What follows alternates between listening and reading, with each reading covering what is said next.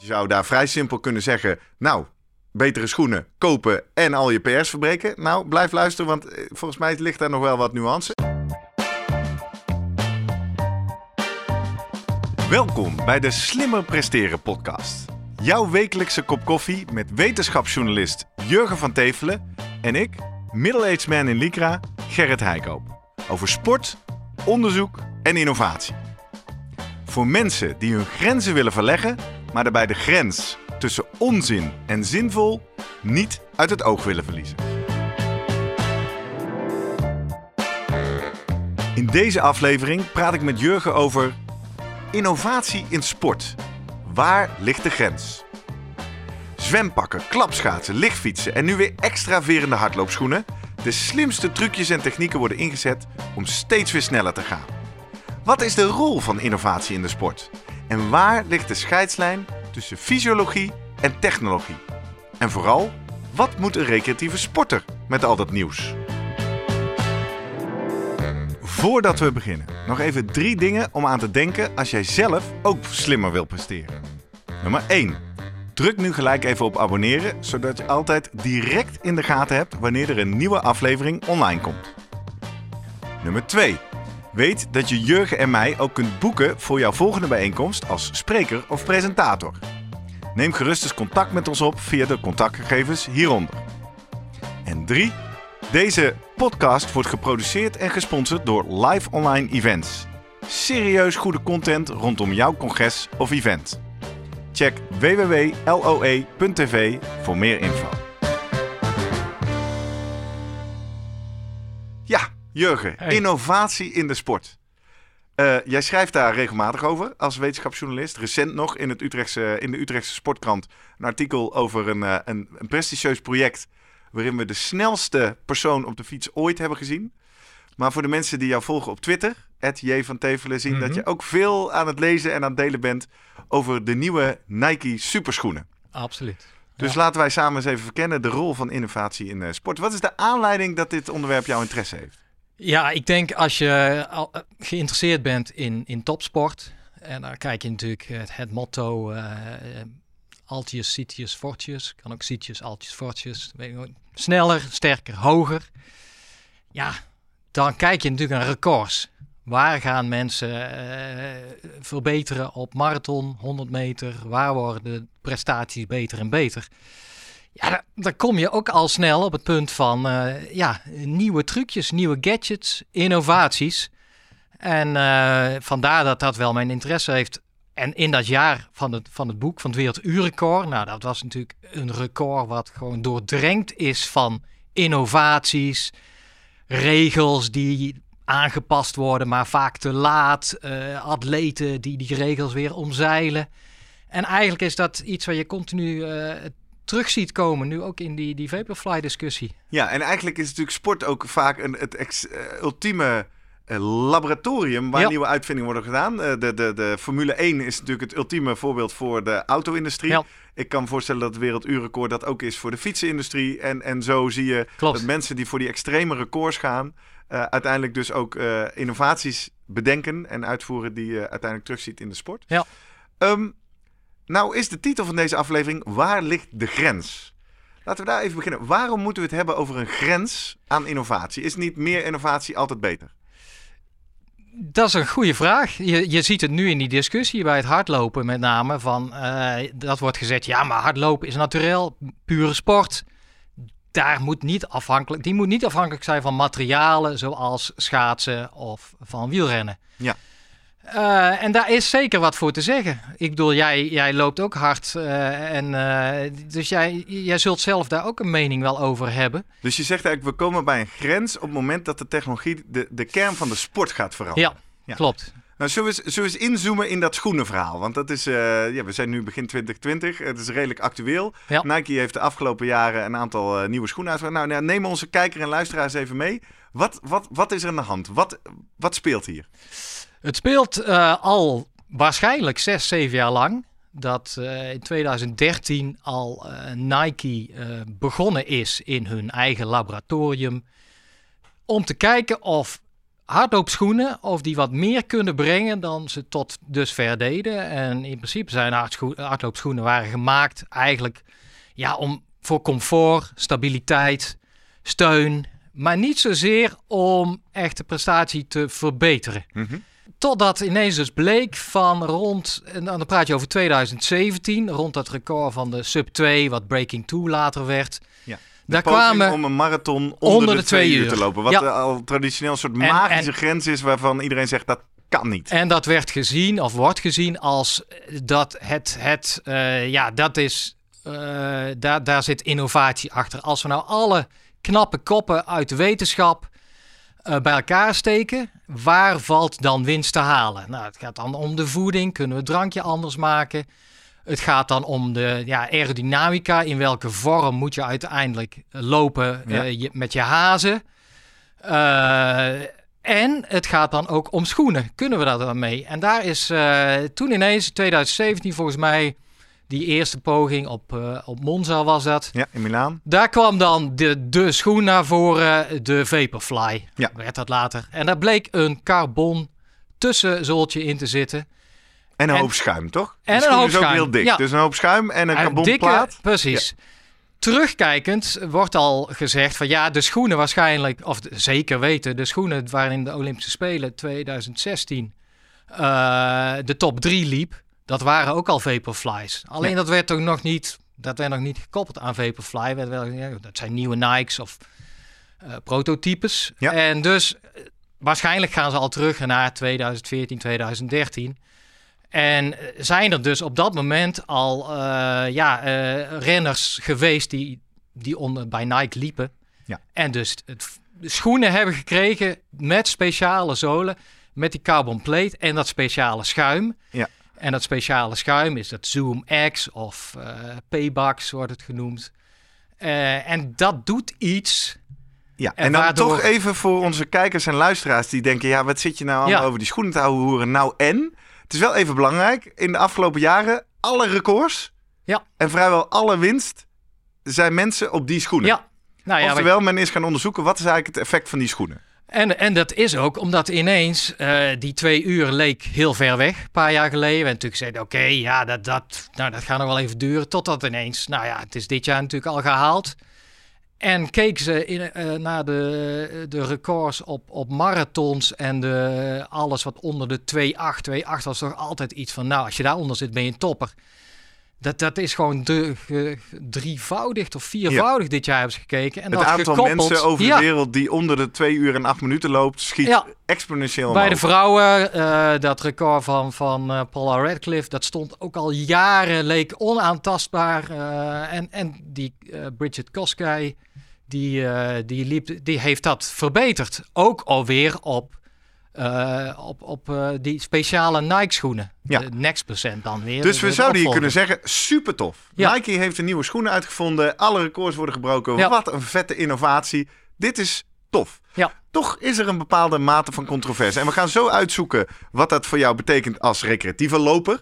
Want je zou daar vrij simpel kunnen zeggen... nou, betere schoenen kopen en al je PR's verbreken. Nou, blijf luisteren, want eh, volgens mij ligt daar nog wel wat nuance. Zeker. Maar laten we eerst eens uitzoeken, enerzijds in de wetenschap. Wat weten we tot nu toe over die schoen? En anderzijds in de topsport. Waarom is hier dan controverse over? Dus die nieuwe schoen komt uit, die records worden gebroken. Er wordt op gestudeerd. Wat, wat, Ja. wat weten we tot dusver? Nou ja, het interessante is dat, dat Nike, eh, volgens mij is het de Nike gesponsorde studie zelf. Die kwam uit in 2017, 2018 ook. En ze noemen dus 4%, hè, de Vaporfly 4%. Ja. En dan, ja, soms hoor je nog mensen zeggen, oh, dus 4% sneller. Dat heeft dus te maken niet met 4% sneller, maar 4% eh economischer of efficiënter. En Ja. dat heeft te maken eigenlijk met, eh, nou ja, de, de, eh, het energieverbruik Ja. wat die schoen geeft. En we hebben een studie, mooie studie gedaan in, in laboratorium, treadmill, mensen, toplopers, op verschillende snelheden laten lopen, 14, 16, 18 km per uur. Dus dat zijn Ja, best wel eh, flinke forse tijden. Ja. eh, daar hebben ze de, een, een, mondkapje opgegeven en de in, uit en uitgeademde eh, gassen eh, gemeten. Ja. En dan kan je netjes uit de zuurstofconsumptie kun je halen van hoeveel een, wat het energieverbruik is, weer in dat de watts per kilo, Ja. het vermogen eigenlijk. Dus Ja. in dit geval het energieverbruik. En wat ze duidelijk lieten zien is dat die Vaporfly 4% gemiddeld eh, voordeel gaf. Dus eh, minder zuurstofverbruik bij die verschillende Bij snelheden. diezelfde loper in diezelfde Ja. omstandigheden eh, heeft Dus je loopt economischer. Ja. En dat is dan vergeleken toen met een Adidas Boost schoen, ook een wedstrijdschoen. En een, een andere Nike wedstrijdschoen. Oftewel, significant eh, betere eh, eh, performance. Ja. Dat gemiddelde is ook belangrijk, hè? Ja. 4% gemiddeld. Want wat Klopt. betekent het eigenlijk als een wetenschapper zegt 4% gemiddeld? Ja, dat, dat, dan in ieder geval statistisch significant was het. Eh, je hebt volgens mij 18 lopers of zo. Maar ga je eens goed inzoomen, dan zie je altijd variatie, altijd een soort ruis. En niet iedereen reageert hetzelfde. Eh, misschien dacht tot dat variatie ook wel. Hebben zij natuurlijk wel goed gedaan met verschillende snelheden, Ja. verschillende dagen gemeten. Daar kun je allemaal een beetje voor, eh, voor corrigeren. Maar uiteindelijk zagen zij eh, mensen die misschien 1% voordeel had en anderen die 8% voordeel had. Ja. Dus er is variatie. En dat is wel iets wat En dat is toch wel even belangrijk om, om, om je even goed te laten inzinken. 8% voordeel Ja. op een marathonafstand. Als ik 8% voordeel op schoenen zou hebben, dat nou, is voor mij als recreant misschien alleen Ja. maar leuk, komen we zo op. Maar in de topsport, ja, daar kun je niet met Nou ja, trainen compenseren. Hè? nee. Dat is gewoon echt een, een bepalend is, is verschil in de wedstrijd. En dat is Ja. natuurlijk 8% met, met eh, die running e- economy. Ja. Dus efficiëntie. En als je dat omzet naar snelheid eh, voor, de, voor de top. eh, als je 2.15 op een marathon loopt, gaat het om anderhalf, twee minuten. Ja, die je in feite Ja. cadeau krijgt als het jou lukt om die energie uit je schoenen te halen. Ja, Want dat is dan technisch wat er gebeurt. Die carbonplaat en dat schuim samen geven eigenlijk meer energie terug dan de Precies. schoen ooit gedaan ja. heeft. en dat, is ook, dat kun je ook gewoon meten. In een, eh, daar hoef je gewoon met een apparaatje. Je drukt het in, het schuim. En je meet eigenlijk de kracht waarmee ook weer die, eh, het, het teruggegeven wordt. Ja. Oude schoenen, of die, die hebben het vaak over, nou komt 60, 70 procent terug. En die, die Nike's gaven dan, eh, ja, gaat meer richting de 80 procent. Dus, Dus het- bijna alle energie die er verloren gaat door het landen en het afzetten, krijg je Krijg eigenlijk je weer terug weer uit de, de zool. En daarmee, ja. En waar het hem precies in zit, dat is, dat is ook wel... Want me- eh, mensen zeggen, ja, maar die carbon plate, die was er al langer. Daar heeft Adidas, de Adidas Boost had dat bijvoorbeeld ook. Dus wat ja, is daar Hoka nieuw heeft aan? dat ook geloof Ja. ik. Ja, dat zit in meer schoenen. Eh, schuim, oké, ja, dit is dan eh ander schuim. En voor, daar, voorheen hadden ze TPU en je hebt het EVA. Dat zijn allemaal soorten schuim. Allemaal een beetje lichtgewicht, allemaal met demping. Ja, daar zal het toch ook niet alleen aan liggen. Dus het is op de een of andere manier die slimme combi van eh, het schuim met die carbonplaat waar Nike jaren over gedaan heeft waarschijnlijk. Al Ja. vanaf 2013. En daar hele slimme mensen op gezet hebben. En eigenlijk nu ja, de, de, de truc gevonden lijken te hebben, in ieder geval uit dat, dat onderzoek, om mensen efficiënter te laten lopen. Dus met Super. minder energie bij bepaalde snelheid. Ja. ja. Laten wij hem eens terugbrengen naar, eh, via wellicht de zwempakken naar de schoenen en uiteindelijk naar de wereld van de Ja. amateur, hardloper en fietser. Eh, zwempakken. Laten we daar nog even. Dit speelde jaren, begin jaren 2000. Hè? Ja, kwamen 98 opeens een soort koers. schubbenpakken in Ja. de zwemwereld. Ja, de daar? pakken of de, de eh, shark skin Ja, pakken. Wederom zagen we hetzelfde Ja. gebeuren. Alle records aan diggelen. Volgens mij was het eh, de laser van Speedo, heette Ja. het. Eh, ja, daar, daar ineens een, een, een pak. Eh, Michael Phelps eh, riep uit, ja, ik heb het snelste pak ter wereld. Hij was al een, een Hij was topzwemmer. zwemmer. topzwemmer. had ja. hij ook nog het snelste pak. En eh, nou, op die, die eh, Olympische Spelen destijds gingen records gingen eraan. En eh, bijna al, ja, alles is er gewoon aangegaan in die pakken. De grap is dat, dat mensen soms twee pakken over elkaar aandeden. Om maar te, want aan de ene kant was het de, de skin, de huid. Ja. Het materiaal zorgde voor, voor minder weerstand. Ja. Maar het gaf ook een enorm extra drijvend vermogen. Oh ja.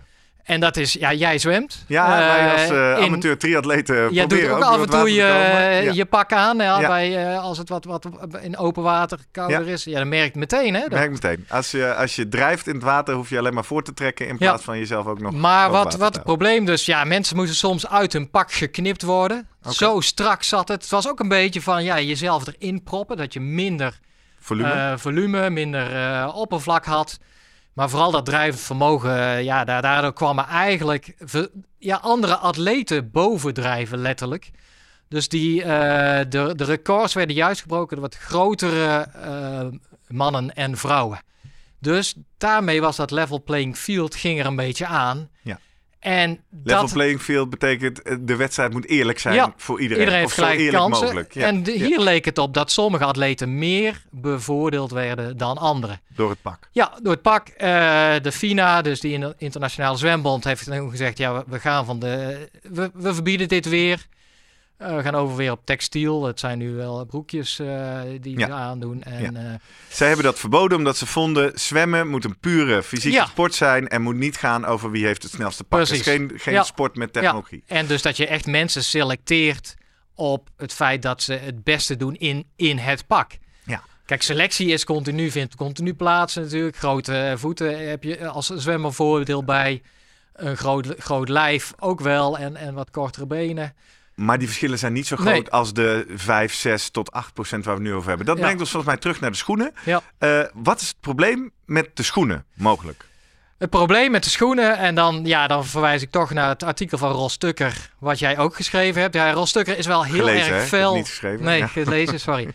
erg fel tegen, die, eh, tegen dit besluit. En ik kan me niet, ja, de, Ja, want het besluit, de schoen is nu een aantal jaar op de markt. Eh, begin 2020 is de Internationale Atletiek Unie met een nieuwe regel Ja. gekomen. En die regel gaat er eigenlijk op, komt erop neer dat deze schoenen toegestaan Ja. zijn. ja, dat is ook al, het was wachten, wachten, wachten. Wanneer komt dat besluit? En dan komt het besluit. En ja hoor, het is precies, lijkt het, in, in, het, eh, ja, in de smaak van de bestaande Ja, en, Vaporfly en, nou ja, en, en, Next en even de, ter faveur van de Internationale Atletiekbond. Ja. Die zeggen ook, ja, wij zijn niet de partij die de schoenenmarkt moet reguleren. Deze schoenen zijn nu eenmaal op de Ja. markt. Ja, Rostukken zegt ervan, ja, de, omdat je drie jaar niks Ja. gedaan hebt. Maar goed, Ja. die schoenen zijn op de markt. Dus hun regel is nu, je moet lopen op schoenen die voor iedereen beschikbaar zijn. Dat betekent dat je minimaal vier maanden algemeen verkrijgbaar. Klopt. En ze hebben de maximale dikte van de zool gesteld. Nou, dan komen we terug bij de hoofdvraag. Waarom gaan we met die schoen een grens over van innovatie in de sport? Wat is nou de kern van het probleem? Volgens een aantal mensen. Er zijn denk ik eh, meerdere aspecten. Het, eh, los, ja, de ene is van, moet hardlopen niet puur zijn? Het is geen fietsen, het is geen schaatsen, het is geen zwemmen. Schaatsen met de klapschaatsen, dat is één. De tweede is... Oftewel, de, de schoen mag geen rol spelen Ja. in de uitslag. Zeg, is, is een sportfilosofisch uitgangspunt. Eigenlijk wel. Hardlopen is de, de meest pure sport die we hebben. Geen materiaalsport. Ja, Nou, en dat is even belangrijk dus om te snappen wat jij net zei over die, over die eh 5 tot misschien wel 8 procent voordeel. Ja. Daarmee, ja, de, een ander artikel wat ik op jouw Twitter-account voorbij zag, gewoon zegt iemand, het, het wordt springveren Ja. rennen. Wat Ja. iets anders is dan hardlopen. Ja, dat kan. Maar ja, springveer vind ik weer eh, behoorlijk overdreven. Waar het eigenlijk, denk ik, het on- de onzekerheid zit hem nu in met deze regels. Die zijn gebaseerd op de bestaande schoenen. Eh, de Vaporfly eh 4% en de Next procent. Ja. Die studies die gedaan zijn, die, die studie die ik noemde, het zijn eigenlijk pas drie studies die met die 4% eh, voordeel qua eh efficiency, Ja. die zijn allemaal nog op de, de Vaporfly 4% gedaan. En eh, de naam zegt al, Next Percent zegt eigenlijk al van nou, we, We zijn al verder. verder, dan die Ja. vier. En de Alpha Fly komt En dan uit. inderdaad, drie, vier dagen na het besluit van de World Athletics over van dit zijn de nieuwe regels, komt Nike met hun Alpha Fly, dezelfde schoenen, of waarschijnlijk dezelfde schoenen waarmee eh Kipchoge eh, eh, onder de twee uur liep. Ja. Ja, ze zei, ik vind ze spuuglelijk, daar begint het al bij. Maar die zijn, nou ja, precies 4 centimeter. Die hebben dan ook nog wat van die luchtkussentjes voor. En mensen vragen zich af, ja, misschien is dat wel al 8% gemiddeld, hè? Ja. Dus, eh, en dan, het, het, als je En daarmee kijkt wordt naar dus die, eigenlijk de wedstrijd, in ieder geval op topsportniveau, wordt oneerlijk. is het al, eh, eh, eh, praten we al over 8%, misschien wel meer. Plus het feit dat je te maken lijkt te hebben met responders en non-responders. Wat betekent dat? Uh, Ja, dat is iets wat wetenschappers vinden dat wel makkelijk. Hè? Als je te maken hebt met een, je pakt een groep, probeer je natuurlijk zo homogeen mogelijk vaak. Hè? Maar mensen reageren net even anders, zijn toch net even fysiologisch zitten anders in elkaar. En wat ze bijvoorbeeld met hoogtestages zien, is dat sommigen reageren goed, anderen helemaal niet. Ja, ja, dus het effect van een bepaalde maatregel heeft eh, meer effect op de een dan op de ander. En als je statistisch problemen hebt, dan kun je altijd nog zeggen, nou, we splitsen het in twee groepen, de responders en non-responders. Ja. En daar lijkt het ook een beetje met die schoenen op. dat je ze kan switchen in bij mensen die het echt goed werkt. Dan Ja. ga je richting de, de 6, 7 procent met de 4, plu- 4 procent eh, Vaporfly. Ja. En de 0, 1 procent. En misschien zelfs negatief, daar kom ik Maar nog zo even op. adv- advocaat van de duivel, eh, dat kan je toch ook hebben met een wielrenfiets? Kijk, de een heeft gewoon talent en aanleg om eh, eh, trappers rond te draaien en de ander wat minder. Ja, maar dan praat, je, dan praat je over fysiologie, aanleg Ja. en, en de fietsen zelf. niet hier aan de hand dan, bij die schoenen? Ik denk het niet. Ik denk dat daar, daar. Kijk, de fietsen, tuurlijk. De ene merk zal iets sneller in een innovatie zijn dan de andere. Maar in principe is het. ze kijken. Kunnen makkelijk van elkaar afkijken. Ze kunnen allemaal de windtunnel in. Ze kunnen Ja. allemaal netjes testen. En dat is het probleem nu met, met die Nike-schoen. Niemand snapt precies hoe ze gemaakt zijn. Ja. Ze hebben er patent op aangevraagd. Ja, meer dan één, hè? Honderden ja, patenten. honderden. Dus de vraag is: mag je hem zo namaken? Ja, maar dat is een Eh, ander argument van mensen zeggen, jongens, eh, waar, waar lig je wakker van? Over een paar jaar heeft iedereen die schoenen en dan Ja. eh, kan iedereen 10% harder lopen en dan is het weer gelijk speelveld. Ja, maar het zijn wel enorme. ja, je, nou ja, als, je, als je doordenkt, je kan dus de pech hebben van je bent een talentvolle 16-jarige met eh, fantastisch VO2 max en eh goede loopeconomie waar we het over hadden en lactaatdrempel. Dat zijn eigenlijk Ja, de ja. drie parameters waar de wetenschap van zegt. Dan, dan heb je Dan het in je om goede loper te worden. ja. Maar je reageert slecht op, eh, of ja, op de een of andere manier, en dat snappen ze niet goed, is jouw looptechniek, de manier van, waarop jij loopt. Jij hebt geen voordeel van de Vaporfly. En iemand die eh, fysiologisch gezien minder is, op zijn 16-jarige leeftijd, heeft, die reageert fantastisch. Ja, wat je dan krijgt, eh, nummer 1 wordt niet geselecteerd. eh, en, en uiteindelijk, ja, de, die, die, de- gaat iemand dus... Winnen die niet de beste hardloper Ja. is. Of wel. Want je kan ook zeggen, ja, schoenen... Ja, nou, ja, maar dat is dus eigenlijk ja. de fundamentele Ja. Willen we, en het is niet aan ons als recreatief, maar dat is eigenlijk het dilemma wat hiervoor ligt. Ja. Is hardlopen een pure fysieke sport? Of wordt hardlopen vanaf nu een materiaalsport? En maakt het uit welke schoenen je hebt of je wint Ja, dat is natuurlijk ook weer een tussen, eh, een En even tussendoor, maar- de vergelijking in de intro hebben we het ook over klapschaatsen. Veel mensen zeggen, ach, Ja. niet zo moeilijk. Klapschaatsen, daar waren die Duitsers die eerste paar jaar ook tegen. Want die vond het ook oneerlijk met de Nederlanders. Daar had je ook te maken met een nieuwe Klopt. schaatstechniek. Die de een wel kon, de ander niet kon. Waarom is die hardloopschoen van Nike anders dan het klapschaatsenverhaal? Ik denk dat eh, de, de klapschaats, de, de fabrikanten, die konden dat makkelijk namaken. Viking was natuurlijk de eerste destijds. Dat is, plus Dus dus, het was sneller algemeen beschikbaar. ja, eh, ja, en ik vind het toch anders. Ja, je krijgt een andere techniek, meer een langere afzet. Ja, hier is eigenlijk de afzet verandert niet zoveel. Nee. Er zijn ook in die studies wel gekeken naar verandert je looppatroon. Nou, dat zijn al minimaal. De paslengte wordt wat groter. Het, en eh, ja, dat is Ja, logisch. onder Je zit door die hoger. 4 centimeter die onder je voeten Dus zit. daar hebben ze nog Ja. niet zoveel grip op. Het, ja, de ene de andere studie liet enige eh, bepalende factor lijkt te zijn de contacttijd. Hoe korter jouw contacttijd, hoe meer profijt je lijkt te hebben van een, van een Vaporfly. En het andere ook, wat ik hoor steeds in de media mensen zeggen, ja, mensen die op de voorvoet landen hebben voordeel. Nou, die wetenschappelijke studies, drie, die laten eigenlijk allemaal zien, nee, de, de, de Heel landen landers hebben meer voordeel. hebben meer voordeel. Dus dat is ook zoiets van. Weer een mythe waar dat Ja. vandaan komt, hebben wij ons vinger niet achter eh, kunnen krijgen. Maar Dus- we waren. En ja, het, het is natuurlijk. De kern van lopen is. De, de sponsoring komt altijd uit de, de fabrikanten van de, van de schoenen. En dat is Nu hebben we het even specifiek over de topsporters. Ja. Ja. als wij zitten te kijken naar de Olympische Spelen in Tokio dit jaar, dan zijn er atleten uit het Nike-kamp, Ja. het Adidas-kamp, het Hoka-kamp, het Saucony-kamp. En opeens maakt het nogal uit in welk team je zit. Ja, en er zijn natuurlijk. Ja, de voorbeeld is er ook. Een, eh, volgens mij een Belgische loper. Die heeft gewoon zijn, zijn Adidas of eh, New Balance schoen. Heeft hij, eh, hij heeft een, Vaporfly aangedaan, alles eraf gehaald, eh, net gedaan. Of het nog steeds een New Balance was. En daar stiekem op gaan lopen. Ja. Nou, dat is een probleem met sponsor.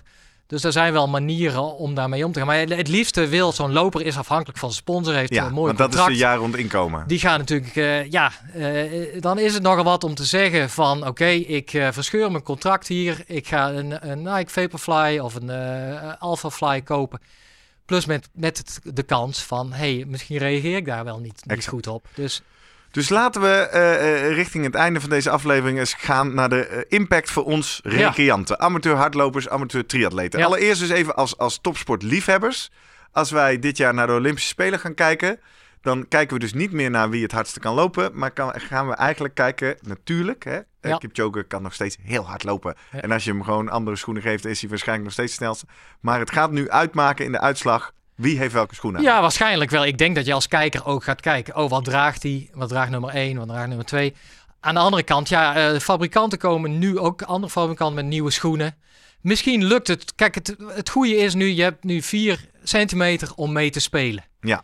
En nou ja, goed, eh, daar valt wat voor te zeggen. Ros Tukker zegt, ja, waarom niet 2? Ja. Dan, dan heb je minder speelruimte.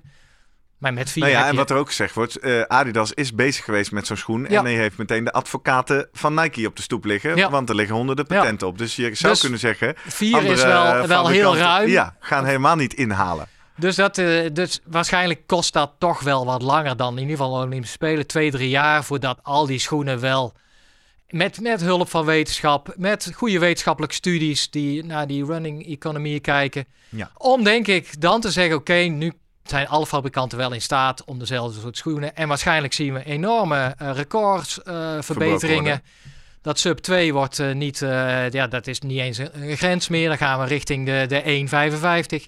En dat is Maar dus dat een tweede als, als kijkers naar topsport. Ja. En dan, dat is ook eigenlijk de brug naar recreanten. Eh, records betekenen eigenlijk niet meer zoveel. Nee, Want die, die- kun je niet meer met elkaar vergelijken. Klopt, de, je, dan heb je eigenlijk verschillende tijdperken. Ja. Net zoals we het wielrennen, je hebt het EPO-tijdperk. Nou ja, eh, we hebben nu dan het, eh het Vaporfly-tijdperk of Ja. de nieuwe schoenen-tijdperk.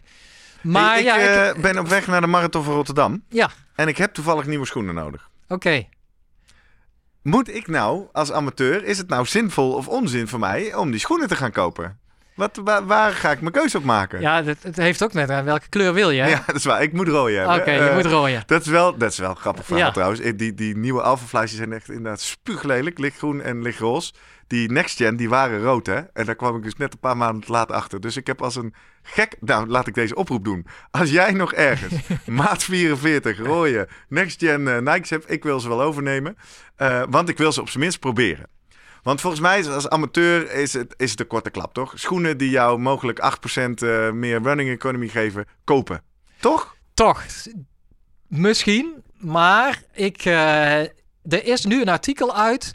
Die is nog niet eh, officieel uit. Die is nog, maar die hebben ze al Een wetenschappelijk internet. artikel. Wetenschappelijk artikel. Ja. Die hebben eigenlijk die, die, die, dat experiment of die studie in die toplopers hebben ze bij recreanten gedaan. Ja. Ja, dat vond ik wel heel interessant. Canadese studie.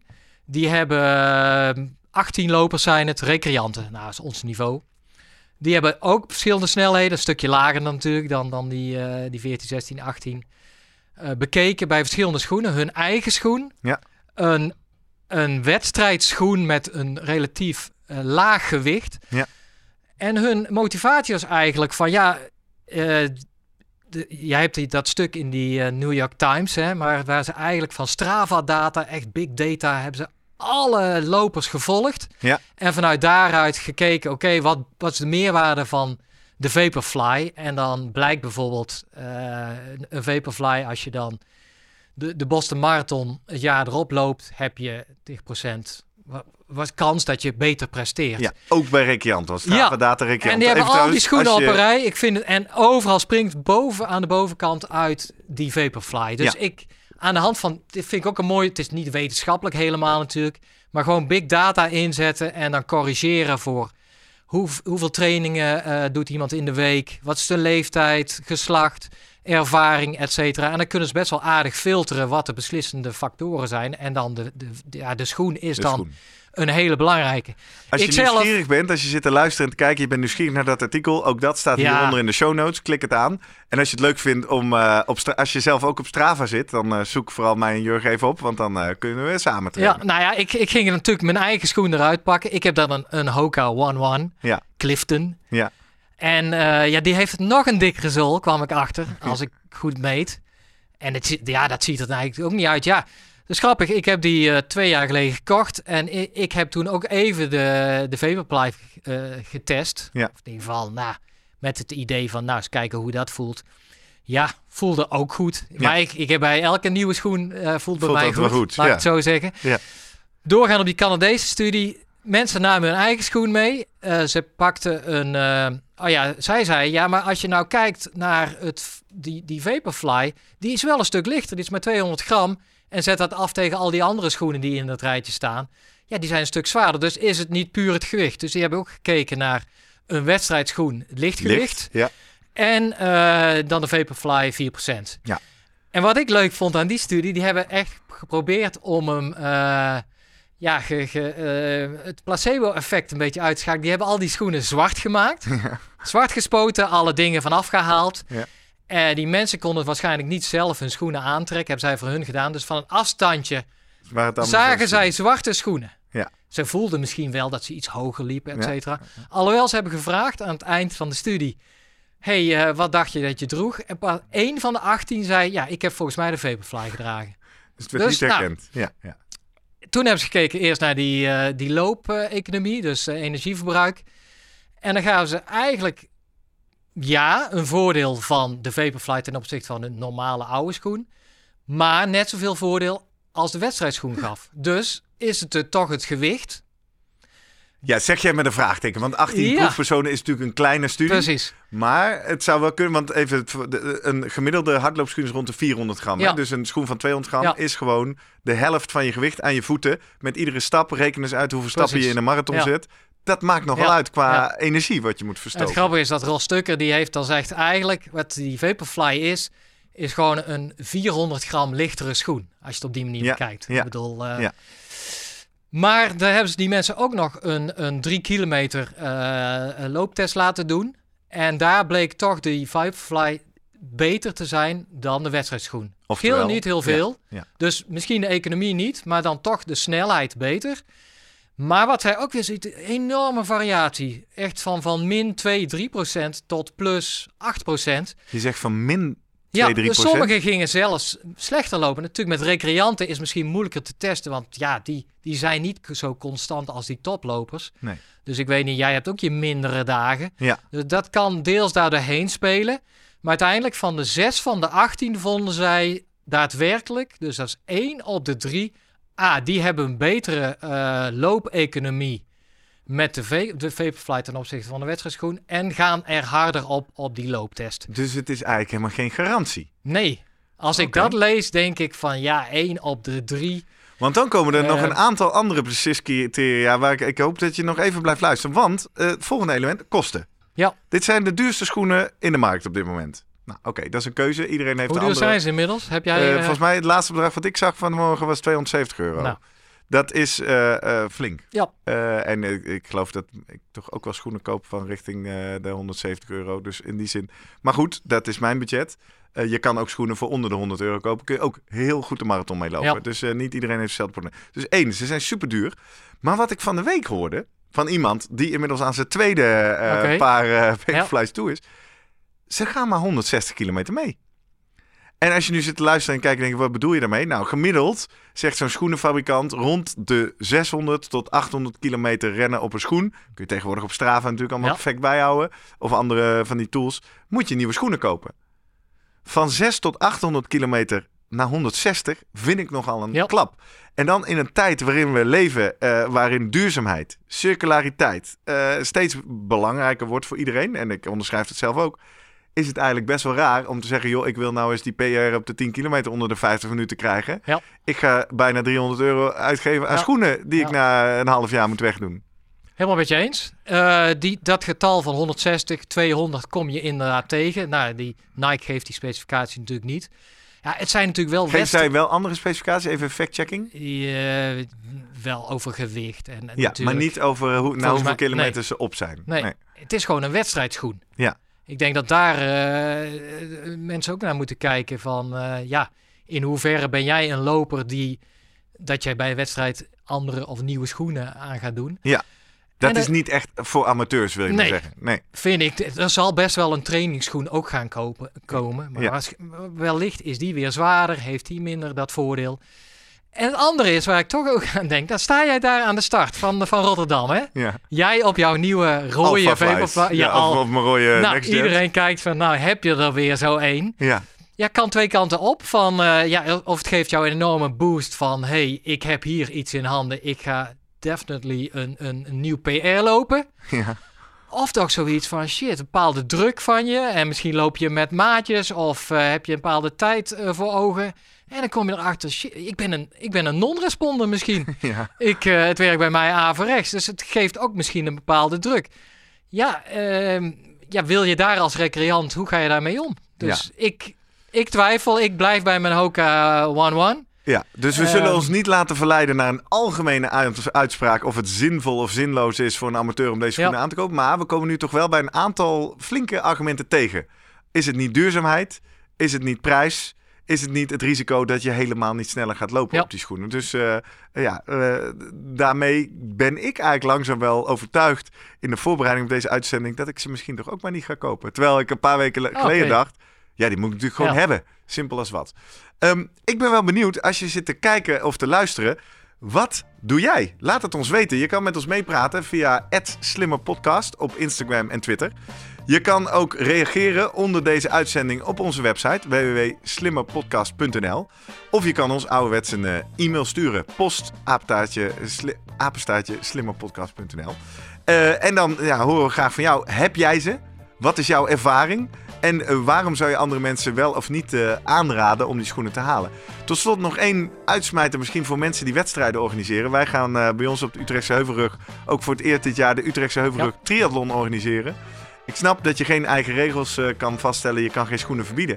Maar ik zou wel willen pleiten voor een eigen klassement. Hè? We hebben uiteindelijk in de uitslagen natuurlijk ook mannen staan. We hebben vrouwen staan, we hebben age group staan. Ik zou voorstellen in de uitslag gewoon een aparte categorie mensen die op vaporflies lopen. Want ja, dat is gewoon oneerlijk. Dat is een andere sport. Ja, oké, maar dan, dan kom ik meteen. Dus dat betekent dat zij mogen dan wel een zwempak aan en, eh, en de anderen dus niet. Dat is waar. En jij eh, en, en de merksfiets eh, met, met of zonder Oké, dus je zegt dit is niet haalbaar. Ik denk het niet. Kijk, eh, triathlon is natuurlijk per definitie de sport van de innovatie. Ik Ja. bedoel, Greg LeMond destijds met zijn uh, triathlonstuurtje, dat had hij overgenomen van triatleten. Ja. Dus eh, in die Oftewel, zin denk ik, apart triatleten zijn, eh zijn vrij. Die mogen Ja. alles eh, toepassen wat Ja. ze willen. Over reacties gesproken. hebben we nog leuke reacties binnengekregen, Jurgen? Ja, ik denk dat het wel leuk is om een speciale vermelding voor onze volgers van het eerste uur. Frank Heukels van de Triathlon podcast. Ja, drie de triathlon podcast, hè? die. Ja, Frank, leuk Ja. dat je al vanaf het begin zo enthousiast Zeker, bent. die, die ja, stond te trappelen van wanneer komen jullie nou eindelijk echt de lucht in. En Melvin eh Keppel heet hij. Ja, Die eh, Ook uit Utrecht. meteen reactie ook op het logo en de styling en trouwe volger. Dus die, ik denk dat het leuk is om hun even in het zonnetje te zetten. En, Ja, Melvin en Frank, dankjewel. Leuk dat jullie zo enthousiast meedoen. En we hopen dat we in een volgende uitzending wellicht jou in dit stukje aan het einde van de aflevering kunnen noemen. We zijn er doorheen. De koffie is op. We gaan weer trainen, Jurgen. dat doen we. Tot volgende week. Oké.